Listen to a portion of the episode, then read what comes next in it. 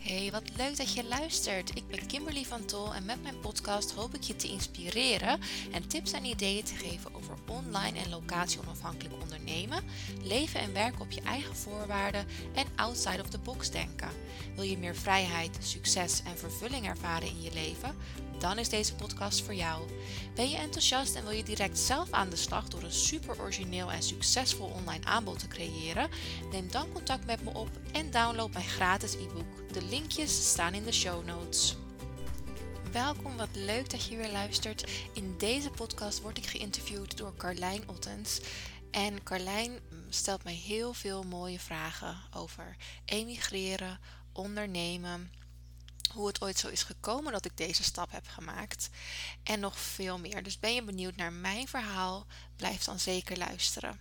Ik volgde ongeveer anderhalf jaar coaching bij Carlijn en Carlijn is echt de expert op het gebied van online marketing. Ook ga ik samen met haar op een retreat naar Malaga aan het einde van dit jaar. En ze is voor mij een hele grote inspiratiebron geweest. Dus volg Carlijn ook zeker op Carlijn Ottens op Instagram. Hey Kimberly, welkom in deze aflevering. Superleuk dat je er bent. Hi Carlijn, ja dankjewel voor de uitnodiging. Leuk om hier te zijn. Ja, ja superleuk. Kimberly eh, helemaal vanuit Canada, ik vanuit uh, Nederland hier. En Kimberly, ik zou zeggen, um, ja, bal meteen los. Wie ben je? Wat, wat doe je precies? Neem ons even mee in jouw verhaal. Ja, um, nou, ik ben dus Kimberly van Torrel. Um, ik ben uh, online onderwijskundige. Ik woon sinds negen jaar alweer in Canada. En um, nou, ik denk dat we daar straks inderdaad nog wel wat meer over zullen hebben. Maar in ieder geval, daar woon ik dus. En um, nou, ik ben in 2010 in Nederland afgestudeerd als onderwijskundige. En uh, ik begon op, met het werken. Nou, ik begon eigenlijk met het adviseren van leerkrachten. Maar ik was toen, nou wat was ik toen, 22 of zo, 23. En ik merkte dat het adviseren van mensen die soms wel 20 jaar voor de klas stonden, bijvoorbeeld. Ja, dat was natuurlijk een veel te grote stap. Dus ik dacht, ik wil eerst mijn basis wil ik verstevigen. En toen ben ik um, gaan werken op verschillende scholen. En eigenlijk kwam het steeds uh, terug op mijn pad dat ik werkte met studenten of kinderen met beperkingen vaak met uh, chronische ziekte of met andere uh, beperkingen. En daardoor ben ik heel erg gaan leren wat belangrijk is om uh, onderwijs toegankelijk te maken, maar ook leuk en motiverend te maken voor deze studenten. En ik ben begonnen met hele jonge, werken met hele jonge kinderen. En uiteindelijk werkte ik met studenten op de universiteit, dus volwassenen.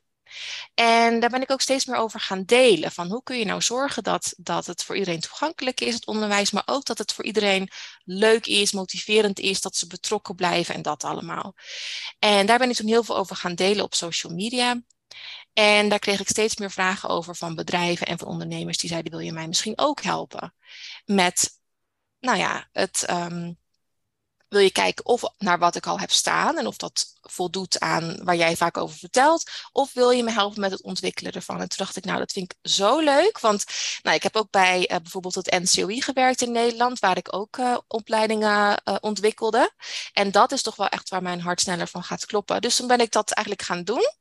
En dat doe ik nu nog steeds. Dus ik ben um, uh, ja, ik noem mezelf inderdaad online onderwijskundige.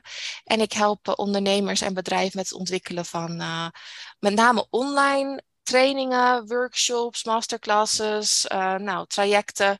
En daarbij gaan we echt zorgen voor transformatie en, en hoge leerresultaten.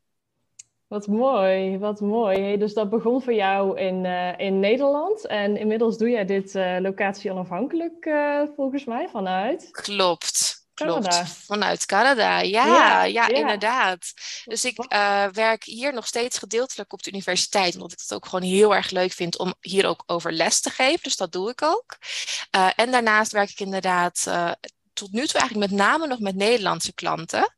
En, uh, en volledig locatie onafhankelijk inderdaad. Dus ik kan mijn werk uh, in principe overal mee naartoe nemen. Ik probeer ook sowieso één keer per jaar naar Nederland te gaan. Wat ik natuurlijk ook nog veel familie en vrienden in Nederland heb. En um, ja, verder vind ik het ook gewoon heel fijn dat het zoveel flexibiliteit biedt. Ik uh, vind het bijvoorbeeld ook uh, belangrijk om tijd te maken voor uh, vrijwilligerswerk. Ik doe veel vrijwilligerswerk in Animal Rescue. Dus um, nou ja, honden en katten redden van nou ja, hele benarde situaties vaak. Soms zelfs van de dood. En nou ja, dus dat, dat vind ik belangrijk. Ja. En ik ben getrouwd met James, dus ik vind het ook belangrijk om uh, tijd voor ons samen te maken en hopelijk straks voor een uh, gezin. En um, ja, dus ik, ik vind het heel fijn dat ik op deze manier nu mijn werk mag doen, echt op mijn eigen voorwaarden eigenlijk. Wat mooi, dat vind ik ook zo inspirerend aan in jouw verhaal. Dat je zo dicht bij jezelf blijft en dat je eigenlijk alles wat jij belangrijk vindt, combineert in jouw werk en enerzijds ook in jouw, uh, anderzijds ook in je privéleven natuurlijk. En ik ben nog wel even benieuwd, wat, wat, wat brengt jou naar, naar Canada? Ja, nou, ik, ik was in uh, 2012. Um, veel van mijn vriendinnen waren al eens alleen op reis geweest. En die gingen dan vaak bijvoorbeeld naar Nieuw-Zeeland of Australië of Azië. En ik dacht, ik zou dat ook heel graag willen. Ik vind het ook super eng, maar ik zou het wel heel graag willen. Maar ik wil eigenlijk heel graag naar Canada. En ik weet niet precies waarom, maar ik ben altijd al heel erg uh, fan van de natuur geweest. Dus dan zag ik die documentaires en die foto's van uh, ja, die bergen natuurlijk. En, en de dieren en alles. En dacht ik, oh, het lijkt me echt fantastisch. Maar ik wist eigenlijk helemaal niet. Ik kende eigenlijk helemaal niemand die echt naar Canada was gaan backpacken of zo. Maar ik dacht, nou, ik ga gewoon eens kijken of dat mogelijk is. En. Um, nou, uiteraard hebben ze hier ook gewoon hostels en, en noem allemaal maar op. Dus ik dacht, nou, ik ga er gewoon heen. Dus toen ben ik zes weken in mijn uppie eigenlijk naar Canada gegaan met mijn backpack. En um, ik had toen drie nachtjes geboekt, weet ik nog, in Vancouver. En verder eigenlijk niet. Ik had zoiets van, ik kijk gewoon waar ik, uh, ja, waar ik heen geleid word, om het zo maar even te zeggen. En wat andere mensen aanraden en zo. En um, nou ja, sowieso was ik vanaf het begin af aan al verliefd op het land. Dat ik echt dacht, oh, ik vind het echt waanzinnig land. En toen in de laatste week, zeg maar, toen uh, heb ik een tour gedaan uh, van Jasper naar Banff. Dat zijn twee hele grote natuurparken daar, waar de Rocky Mountains, uh, in de Rocky Mountains. En ja, toen heb ik dus mijn man daar ontmoet. Die was op dat moment gids op, op die tour. Dus wij zijn toen met zes mensen. Ik had een hele bus verwacht, maar het was heel slecht weer. Dus toen zijn we met, een, uh, met zes mensen in een auto, eigenlijk een grote auto, zijn we dus de hele dag op pad geweest. En uh, ja, aan het eind dachten we eigenlijk allebei van dit kan nog niet over zijn. Maar ja, ja, ik bedoel, dat, nou ja. En uh, toen zijn we, principe, ja. Ja, nou ja, toen zijn we dus samen gaan eten. En nu zijn we inmiddels tien jaar verder. Wauw. Dus ja. Maar breng me nog eens even terug, want ik vind het altijd heel interessant om te zien hoe mensen dus echt die uh, eigenlijk een soort van het roer omgooien, besluiten van hé, hey, ik ga Nederland verlaten en ik verhuis naar een ander land. Wat, wat, wat was het moment dat jij besefte van hé, hey, ik, uh, ja, ik ga die stap gewoon wagen? Ja, nou het was eigenlijk meerdere dingen. Ik weet nog dat ik um, bij een meer zat op een gegeven moment en hij was toen ook bij mij en dat ik toen gewoon dacht van, dat was ook een heel emotioneel moment, dat ik dacht, ik moet hier gewoon zijn. Maar dan komt natuurlijk je hoofd erbij van, ja, maar ja, ik heb een baan en ik heb dit en ik heb dit en ik heb dit en ik heb dit. Uh, ja, ik zou alleen voor een reis hierheen gaan, um, familie, vrienden, uh, nou ja. Uh, maar toch, dat gevoel was heel erg sterk. En toen ben ik uiteindelijk niet direct gegaan hoor. We zijn toen een jaar zeg maar, heen en weer uh, gevlogen. En toen ben ik in 2013 ben ik toen uh, voor het eerst uh, echt voor langere tijd gegaan. Nou, dan heb je natuurlijk ook nog met uh, visums en alles te maken.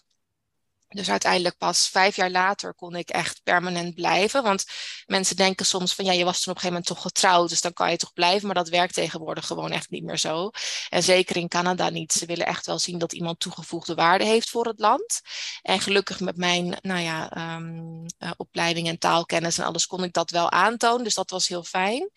Maar die beslissing, ja, die was eigenlijk toch die was denk ik al gemaakt op dat moment dat ik bij dat meer zat dus. Um, en dan daarna ga je die natuurlijk ook praktisch invulling geven. En voor ons was het ook wel zo van, ja, ik, wat ik zei, ik vond Canada sowieso al fantastisch toen ik er was. En um, hij spreekt ook geen Nederlands, dus dat was natuurlijk ook een, een dingetje. En ik heb ook altijd gezegd, weet je, ik ga het gewoon proberen. En dan zie ik het wel. En als ik na een jaar denk, of na een maand, of na, nou ja, van dit is het toch niet. Ja. Je kan altijd terug. En ja. Um, Nou ja, en nog steeds zeg ik dat. Zo van, ja, ik, dat zeggen mensen wel eens van, blijf je dan voor altijd daar? Ik zeg, nou, dat weet ik niet. Want ik vind ook Nederland ook nog steeds geweldig. Ik ben nooit uit Nederland weggegaan omdat ik het daar niet leuk vind. En ik zeg ook altijd, ik heb twee thuis in deze wereld. Zo voelt het echt. Want als ik in Nederland ben, voel ik me ook ontzettend thuis. Dus uh, je hoort wel eens van mensen die emigreren en die zeggen, nou, ik zou nooit meer terug kunnen, maar dat heb ik helemaal niet. Nee, dus het is voor jou geen vlucht uit Nederland geweest, alleen uh, nee. liefde die, uh, die, zat, die zat in Canada. Ja, die zat daar, ja. ja. wat, wat een mooi verhaal, hoe je eigenlijk twee keer heel dicht bij jezelf bent gebleven en enerzijds inderdaad die reis hebt gemaakt, wat eigenlijk ook al een beetje buiten de gebaande paden is, want de meeste mensen gaan backpacken in, in Azië of misschien in Australië. En uh, jij doet het lekker op je eigen manier. Je gaat naar Canada en komt er vervolgens ook nog eens de liefde van je leven tegen. Ja, dus ik denk dat het gewoon zo heeft moeten zijn. Ja, nee, 100%. Daar geloof ik ook in. Dingen gebeuren niet voor niks. Dus, uh, nee, precies. Ja, wat, wat mooi. Hey, en je vertelde net al even kort iets over uh, wat jij doet met jouw bedrijf. En volgens mij heb jij voorheen, of misschien heb je dat nog steeds, ook een bedrijf gehad met, jou, met jouw man samen. Klopt, ja, dat hebben we nog steeds inderdaad. En misschien is het goed om daar dan nog een beetje context te geven. Op een gegeven moment in 2015, denk ik, of 2016, ik weet niet meer precies. Toen was ik voor een aantal maanden weer terug in Nederland, omdat ik op mijn volgende visum moest wachten. En um, nou, tot die tijd had ik eigenlijk altijd nog in loondienst gewerkt, bij verschillende scholen in, uh, in Nederland en Canada. Ook altijd heel leuk gevonden trouwens hoor. Maar um, toen in Nederland uh, ben ik gaan werken bij het NCOI voor een paar maanden. Dat is het Nederlands Commercieel Opleidingsinstituut. Volgens mij zijn ze inmiddels van naam veranderd, maar de meeste mensen kennen het nog als NCOI. Waarbij uh, nou ja, echt gericht wordt op de volwassen student eigenlijk. En ook leren in organisaties. En um, toen was ik daar opleidingsmanager, dus ik ging samen met ontwikkelaars, gingen wij opleidingen samenstellen, uh, verbeteren en aanbieden. En toen werkte ik dus met die ontwikkelaars samen. Dat waren allemaal freelancers. En ik dacht, wauw, dat is gaaf. Want die werkte, nou ja, inderdaad ook van, de een zat in uh, Curaçao, de ander zat in Spanje. Nou, ik dacht, dat is cool, want ze werken dus gewoon voor Nederlandse bedrijven, of in ieder geval opdrachtgevers. Maar zelf, ja, als ze hun computer hebben, kunnen ze in principe overal wonen en werken. En toen was het al zo dat ik een blog had die ik bijhield, waar ik heel vaak hele leuke reacties op kreeg. En op een gegeven moment werd dat ook dat mensen aan mij gingen vragen: zou je mij niet willen helpen met een brief schrijven, een sollicitatiebrief schrijven, of een homepage schrijven, of een over mij pagina schrijven? En dat deed ik altijd vrijwillig, vond ik gewoon leuk om te doen. En toen dacht ik: hé, hey, wat nou als ik daar eens een bedrijf in begin en kijk hoe dat gaat?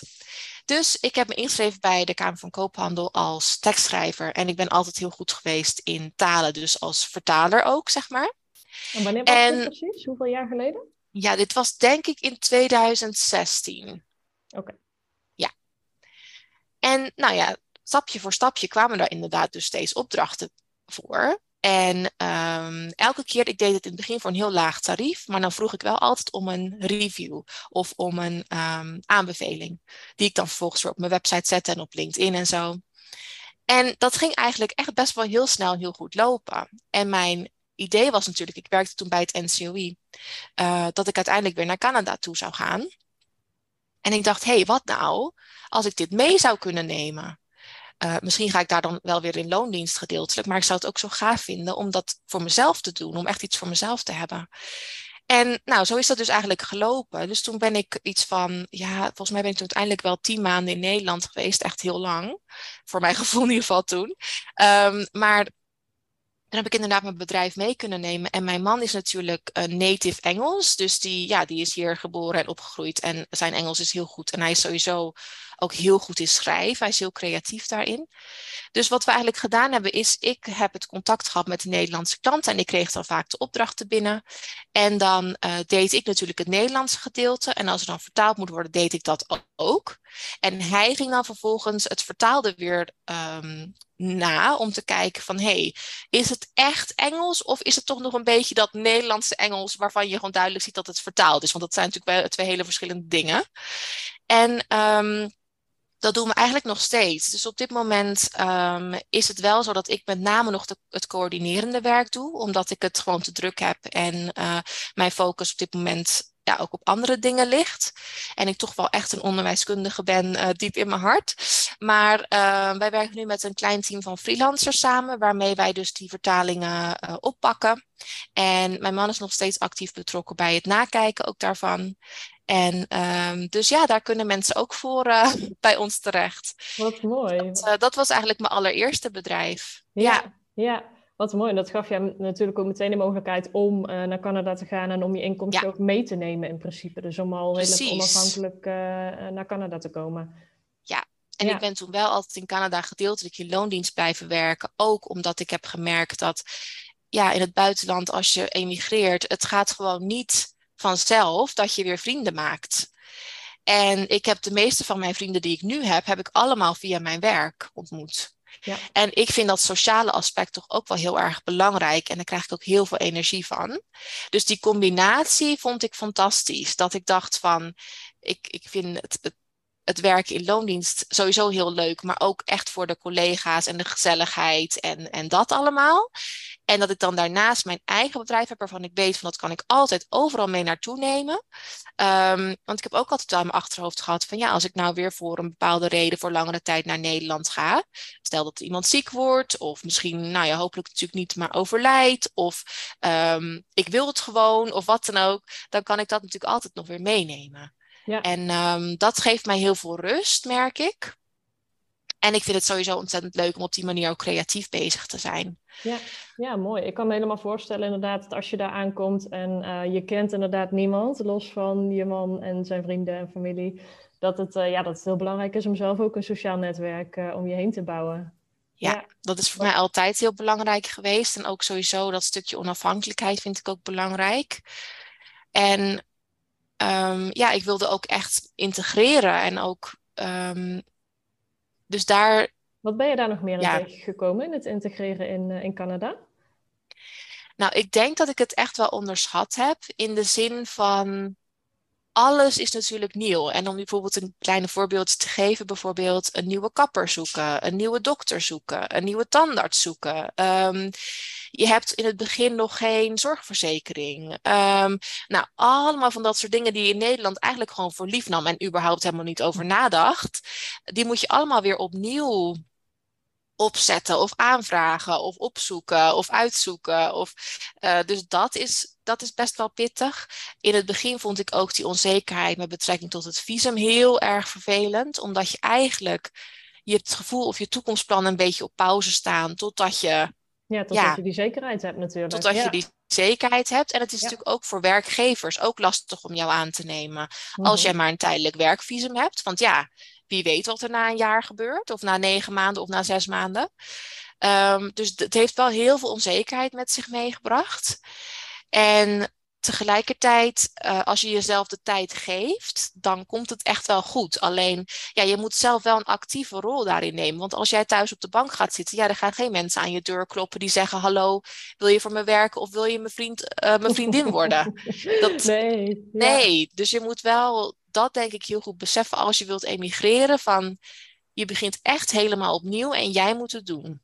Ja, en, en soms emigreren mensen met z'n tweeën naar een ander land natuurlijk. Alleen jij emigreert ja. in je eentje natuurlijk naar, uh, naar je liefde toe. Dus dat is natuurlijk ook nog een ja. ander uh, verhaal. En wat, wat zie jij zelf als grootste verschillen tussen, uh, qua cultuur? Dat vind ik ook altijd wel interessant.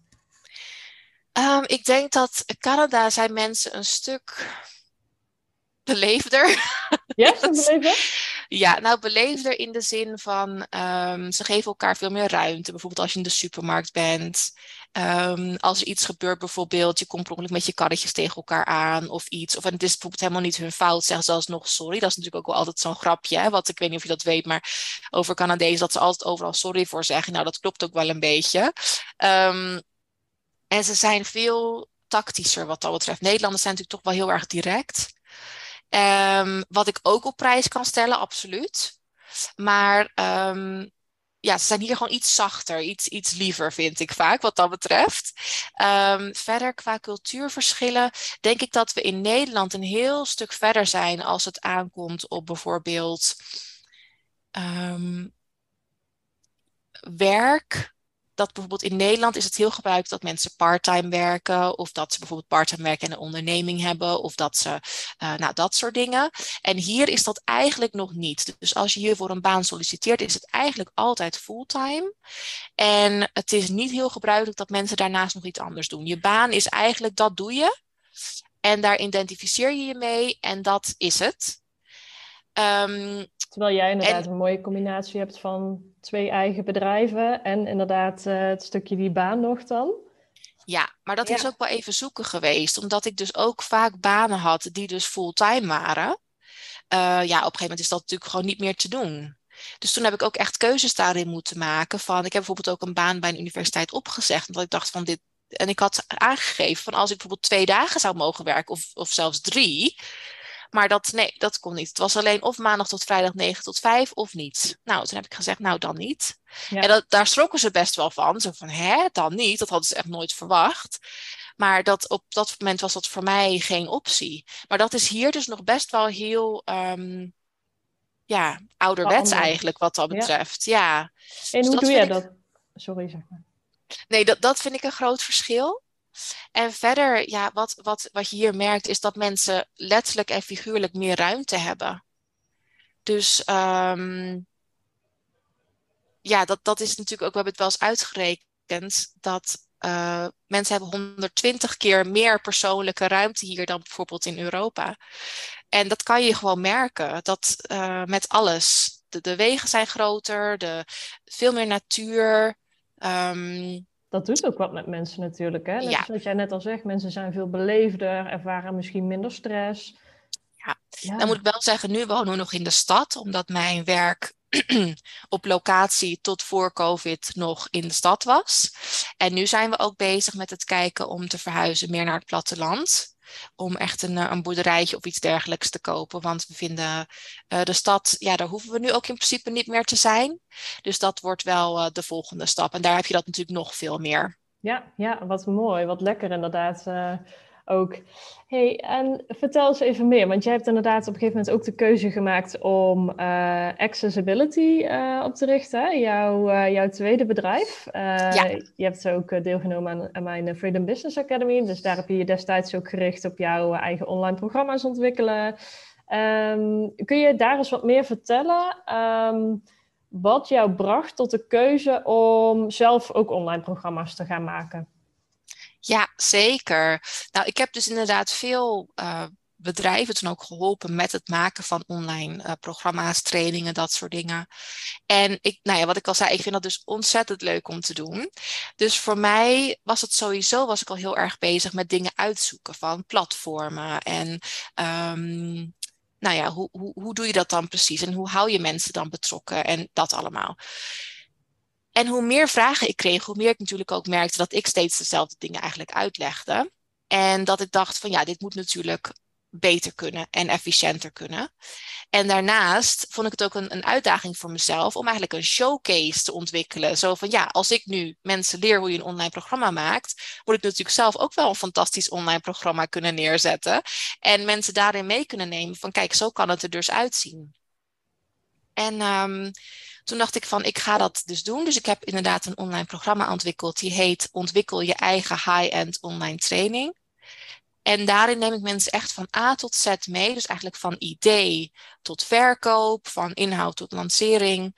Uh, hoe je dus een online programma maakt, waar je dus echt resultaten mee boekt. En toen ben ik dat zelf gaan uh, opnemen. Uh, nou, dat hele proces doorloop vind ik ook belangrijk, omdat dat natuurlijk ook een proces is wat mijn klanten doorgaan. Dus dan weet ik ook precies ja, waar je op welk moment tegenaan kan lopen en dat soort dingen. En wat ik dus nu merk, is dat dat een hele mooie basis vormt voor mij.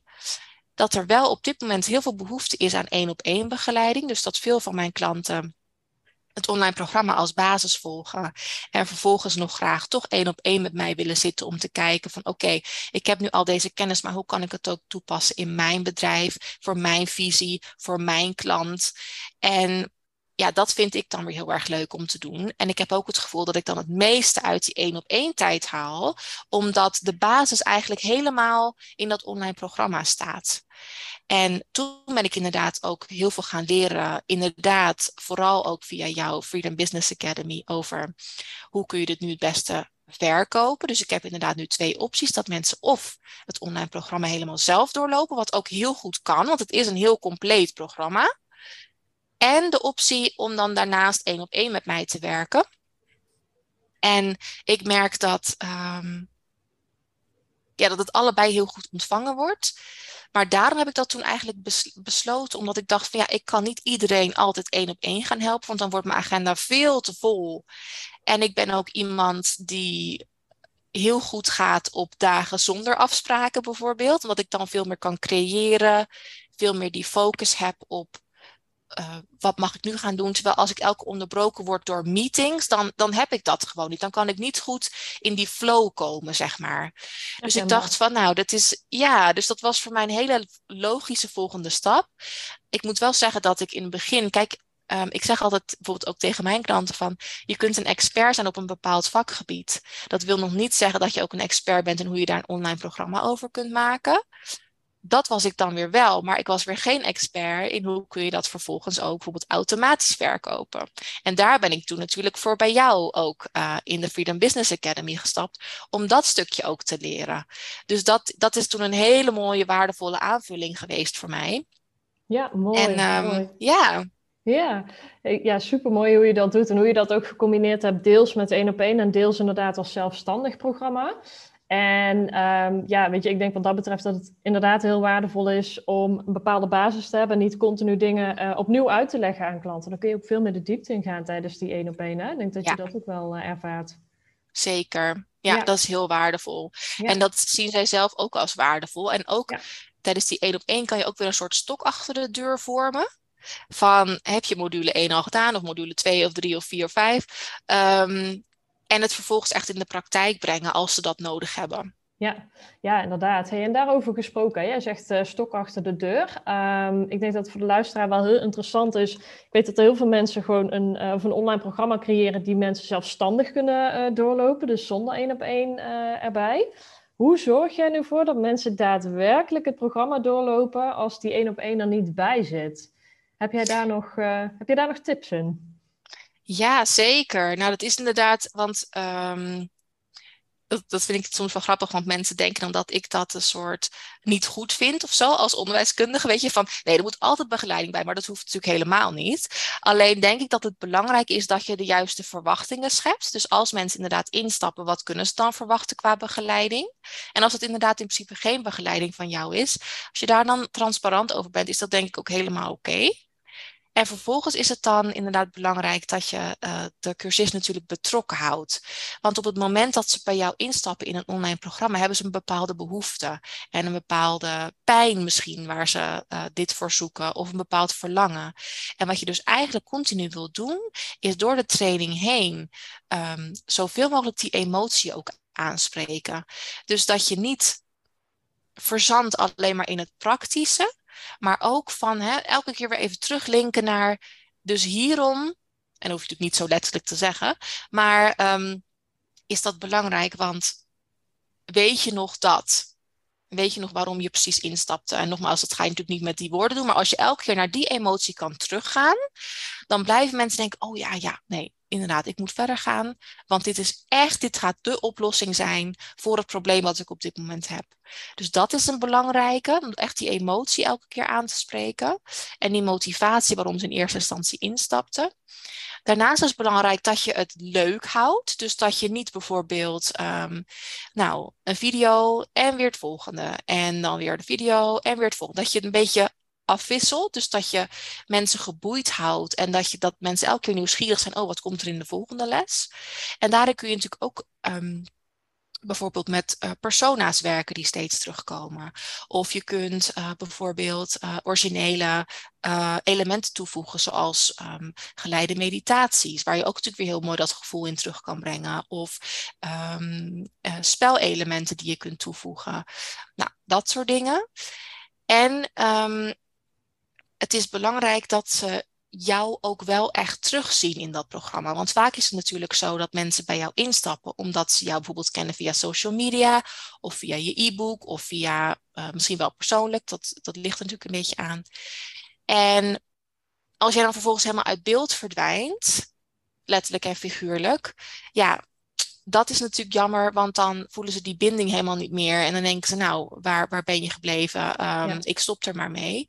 Dus dat zijn bijvoorbeeld drie dingen die, ehm, ja, die, die kunnen helpen. En mhm. daarnaast denk ik ook dat gebruiksvriendelijkheid heel belangrijk is. Dus zorg dat het uh, handig is. Dat ze, dat ze dus niet halverwege bijvoorbeeld technisch vastlopen. Of dat ze denken, hè, huh? Dat je dus, en daar kan het ook weer heel handig eh, voor zijn om een pilotgroep bijvoorbeeld eerst te laten deelnemen.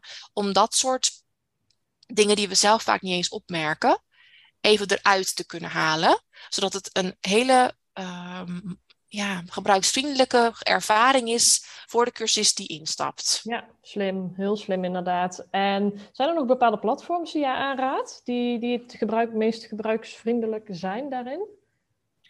Um, nou, ik gebruik zelf Thinkific. Uh, dat is een, uh, ja, een meer een Amerikaans platform. Maar dat vind ik zelf heel fijn, omdat daar alles bij inbegrepen zit. Dus er zit zowel alle betaalsystemen zitten erin, dus je hebt geen aparte plugins of dingen meer nodig. Uh, er zit een community functie in, dus je hoeft niet een aparte community nog op te starten als je dat zou willen via een ander platform. En het is gewoon heel eenvoudig in gebruik achter de schermen. Het is echt super simpel en dat is voor mij altijd belangrijk. Op zich kan ik best heel goed met, met, met allerlei technologie overweg.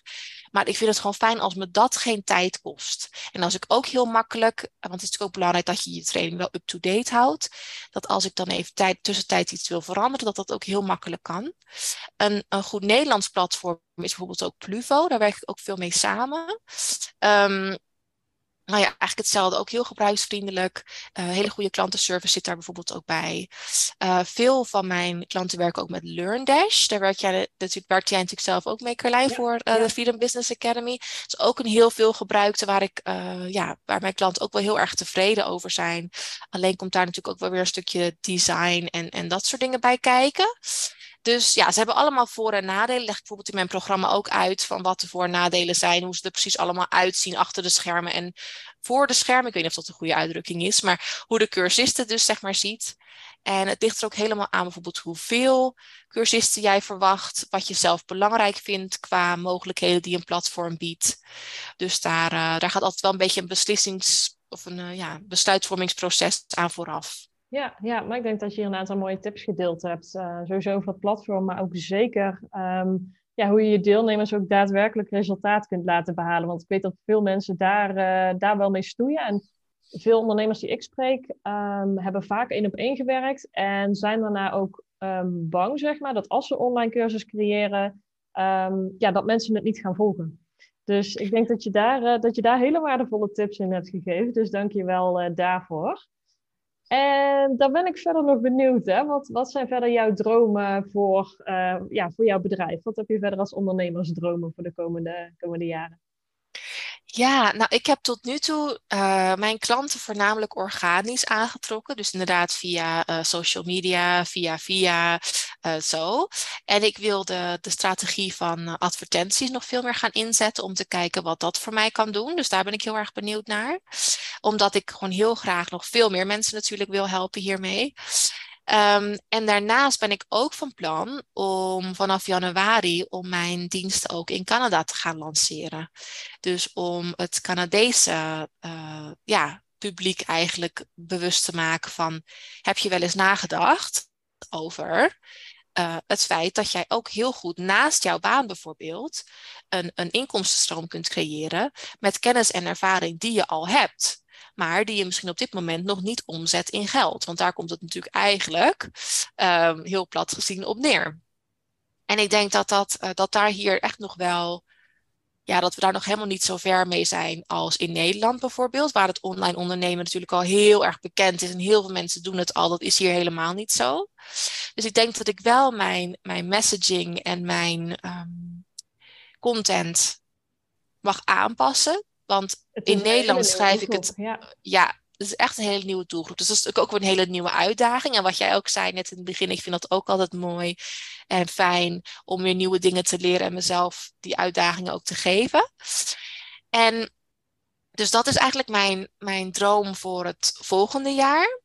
En uh, nou, wat daar natuurlijk heel fijn bij is, is dat ik uh, in december met jouw retreat meega. Dus uh, jee, je kunt ons nu niet zien, maar we zijn allemaal met ons hoofd aan het schudden. ja, um, leuk. Mhm. En ik denk, uh, want je zei natuurlijk ook van, hè, dan gaan we het ook hebben over een, een plan voor 2023, wat dicht bij, je, bij jou staat, wat goed past, wat je vol zelfvertrouwen, waarmee je vol zelfvertrouwen het nieuwe jaar instapt. En ik denk dat mijn, ja, mijn droom voor het Canada-publiek daar ook zeker een onderdeel van gaat zijn.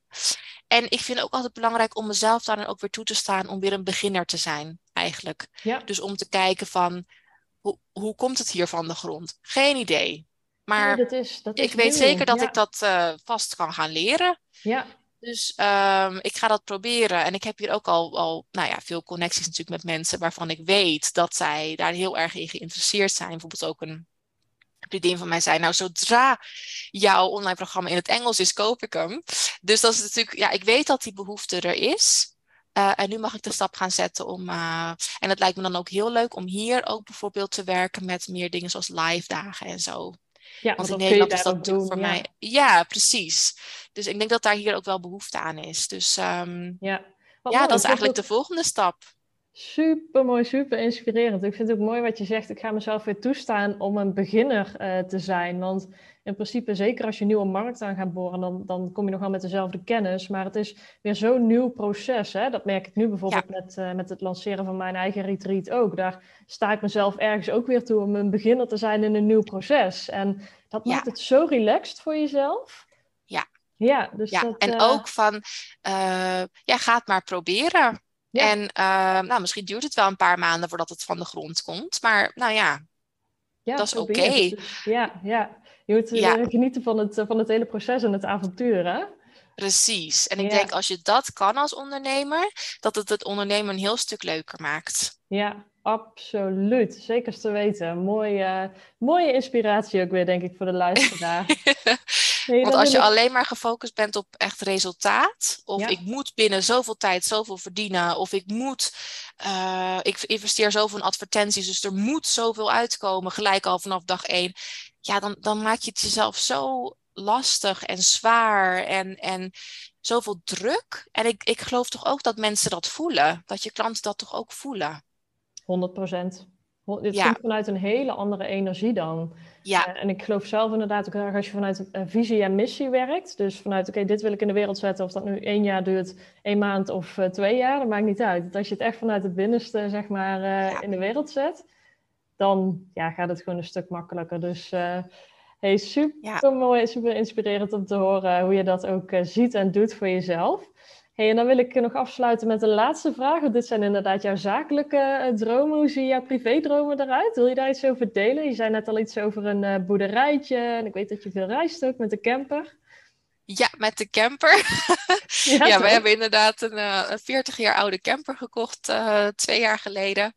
En ehm, nou, als je me toevallig op social media volgt, dan heb je die wel eens voorbij zien komen waarschijnlijk. Vinden we inderdaad altijd fantastisch. Ja, Canada is natuurlijk zo ontzettend groot. Dus wij kunnen hier nog wel 20 jaar met de camper op pad voordat we alles gezien hebben, denk ik. Want hier is het zo, als je acht uur de ene kant of de andere kant op rijdt, zit je nog steeds in dezelfde provincie. Dus ja, dat daar hebben we nog wel even mee te gaan. Maar dat is inderdaad iets wat we ontzettend graag doen, echt in de natuur zijn. Um, nou, er is inderdaad zeker uh, de hoop voor een gezin en een mooi boerderijtje met wat diertjes in de bergen ergens. Um, waar we ook eigenlijk de droom hebben om anderen ook te gaan inspireren om toch steeds meer zelfvoorzienend ook te leven. Van hoe kun je nu leven met, ja, van het land en, en uh, de natuur en dat. Wat Want dat mooi. vinden wij ook uh, belangrijk. Dat proberen we ja. al zoveel mogelijk te doen, ook qua dingen als recyclen, uh, bijvoorbeeld tweedehands kleding kopen, maar ook zelf al groenten verbouwen en dat soort dingen. Dus nu heb ik altijd, ik zeg altijd, we zijn op kleine schaal aan het oefenen. En hopelijk kunnen we dat in, als we het land en de, de ruimte hebben, ook echt wat op grotere schaal gaan aanpakken. Dus dat is, wel, uh, dat is wel de droom voor de toekomst, inderdaad. Mooi. Ik vind het zo mooi om te zien inderdaad hoe je zo uh, dicht bij de natuur leeft ook. Enerzijds letterlijk dicht bij de natuur en anderzijds gewoon letterlijk dicht bij jezelf. En hoe je daar gewoon, ja weet je, je hebt zoveel bold moves gemaakt daarin.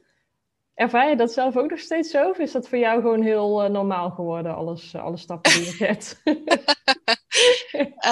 um, nou, ik denk als ik het zo allemaal opnoem, dan denk ik wel, ja, jeetje, als je me dat tien jaar geleden had gezegd, dan had ik dat, nou, ik weet niet wat ik dan had gezegd.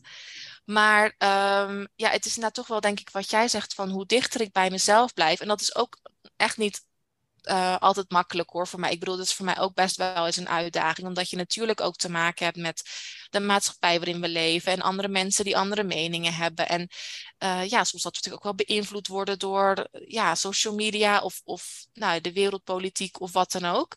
Maar ik denk, hoe dichter ik bij mezelf blijf. Uh, ja, ik, ik zei net ook al eventjes voordat we de podcast opnamen, van dan heb ik eigenlijk ook nog nooit een foute beslissing gemaakt voor mijn gevoel. Als ik hem maak op, gebaseerd op mijn intuïtie of op mijn gevoel. Dus dat. Um, en het is ook wel zo dat op een gegeven moment. Als je een bepaalde bold move hebt gemaakt, dan denk je, nou, dat heb ik toegedaan, dan kan ik dit ook wel doen. Ja, je krijgt vertrouwen, hè? Ja, je krijgt vertrouwen. Ja, ja. Dat, dat, herken ik inderdaad, ja. Hey, ja. super Super, dankjewel Kimberly. Ik wil hem hiermee uh, mee af gaan sluiten. En ik wil jou onwijs bedanken voor het delen van jouw verhaal en alle waardevolle tips en al jouw inspiratie in hoe je in het leven staat en wat je allemaal doet. Ja, dankjewel Carlijn. Nou, ik wil ook nog even zeggen dat jij voor mij ook een hele grote inspiratie bent geweest in dit hele proces. Dus dat wil ik ook nog wel eventjes uh, benoemen. Dankjewel. En dat ik uh, ontzettend veel zin heb in de retreat natuurlijk straks. Ja, en uh, dat, we, dat we elkaar de volgende keer gewoon lekker met een cocktail bij het zwembad gaan spreken. Ja, bizar hè? We zitten gewoon over zes weken zitten wij in Malaga. Zitten wij gewoon in Malaga. Ja. Nou, dat is toch fantastisch. Ja, in een waanzinnige villa. Ik kijk er ontzettend naar uit en ook om elkaar live, te, live te zien inderdaad. Ik ook. Ja, heel erg bedankt dat ik hier mocht zijn vandaag. En um, nou, ik luister altijd met heel veel plezier je podcast. Dus leuk om, uh, om mezelf straks ook opeens voorbij te horen komen. Yes, dankjewel Kimberly.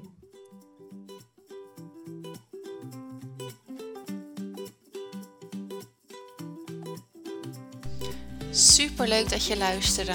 Vond je deze podcast inspirerend? Deel hem dan vooral met anderen op social media en vergeet mij niet te taggen. Tot de volgende keer.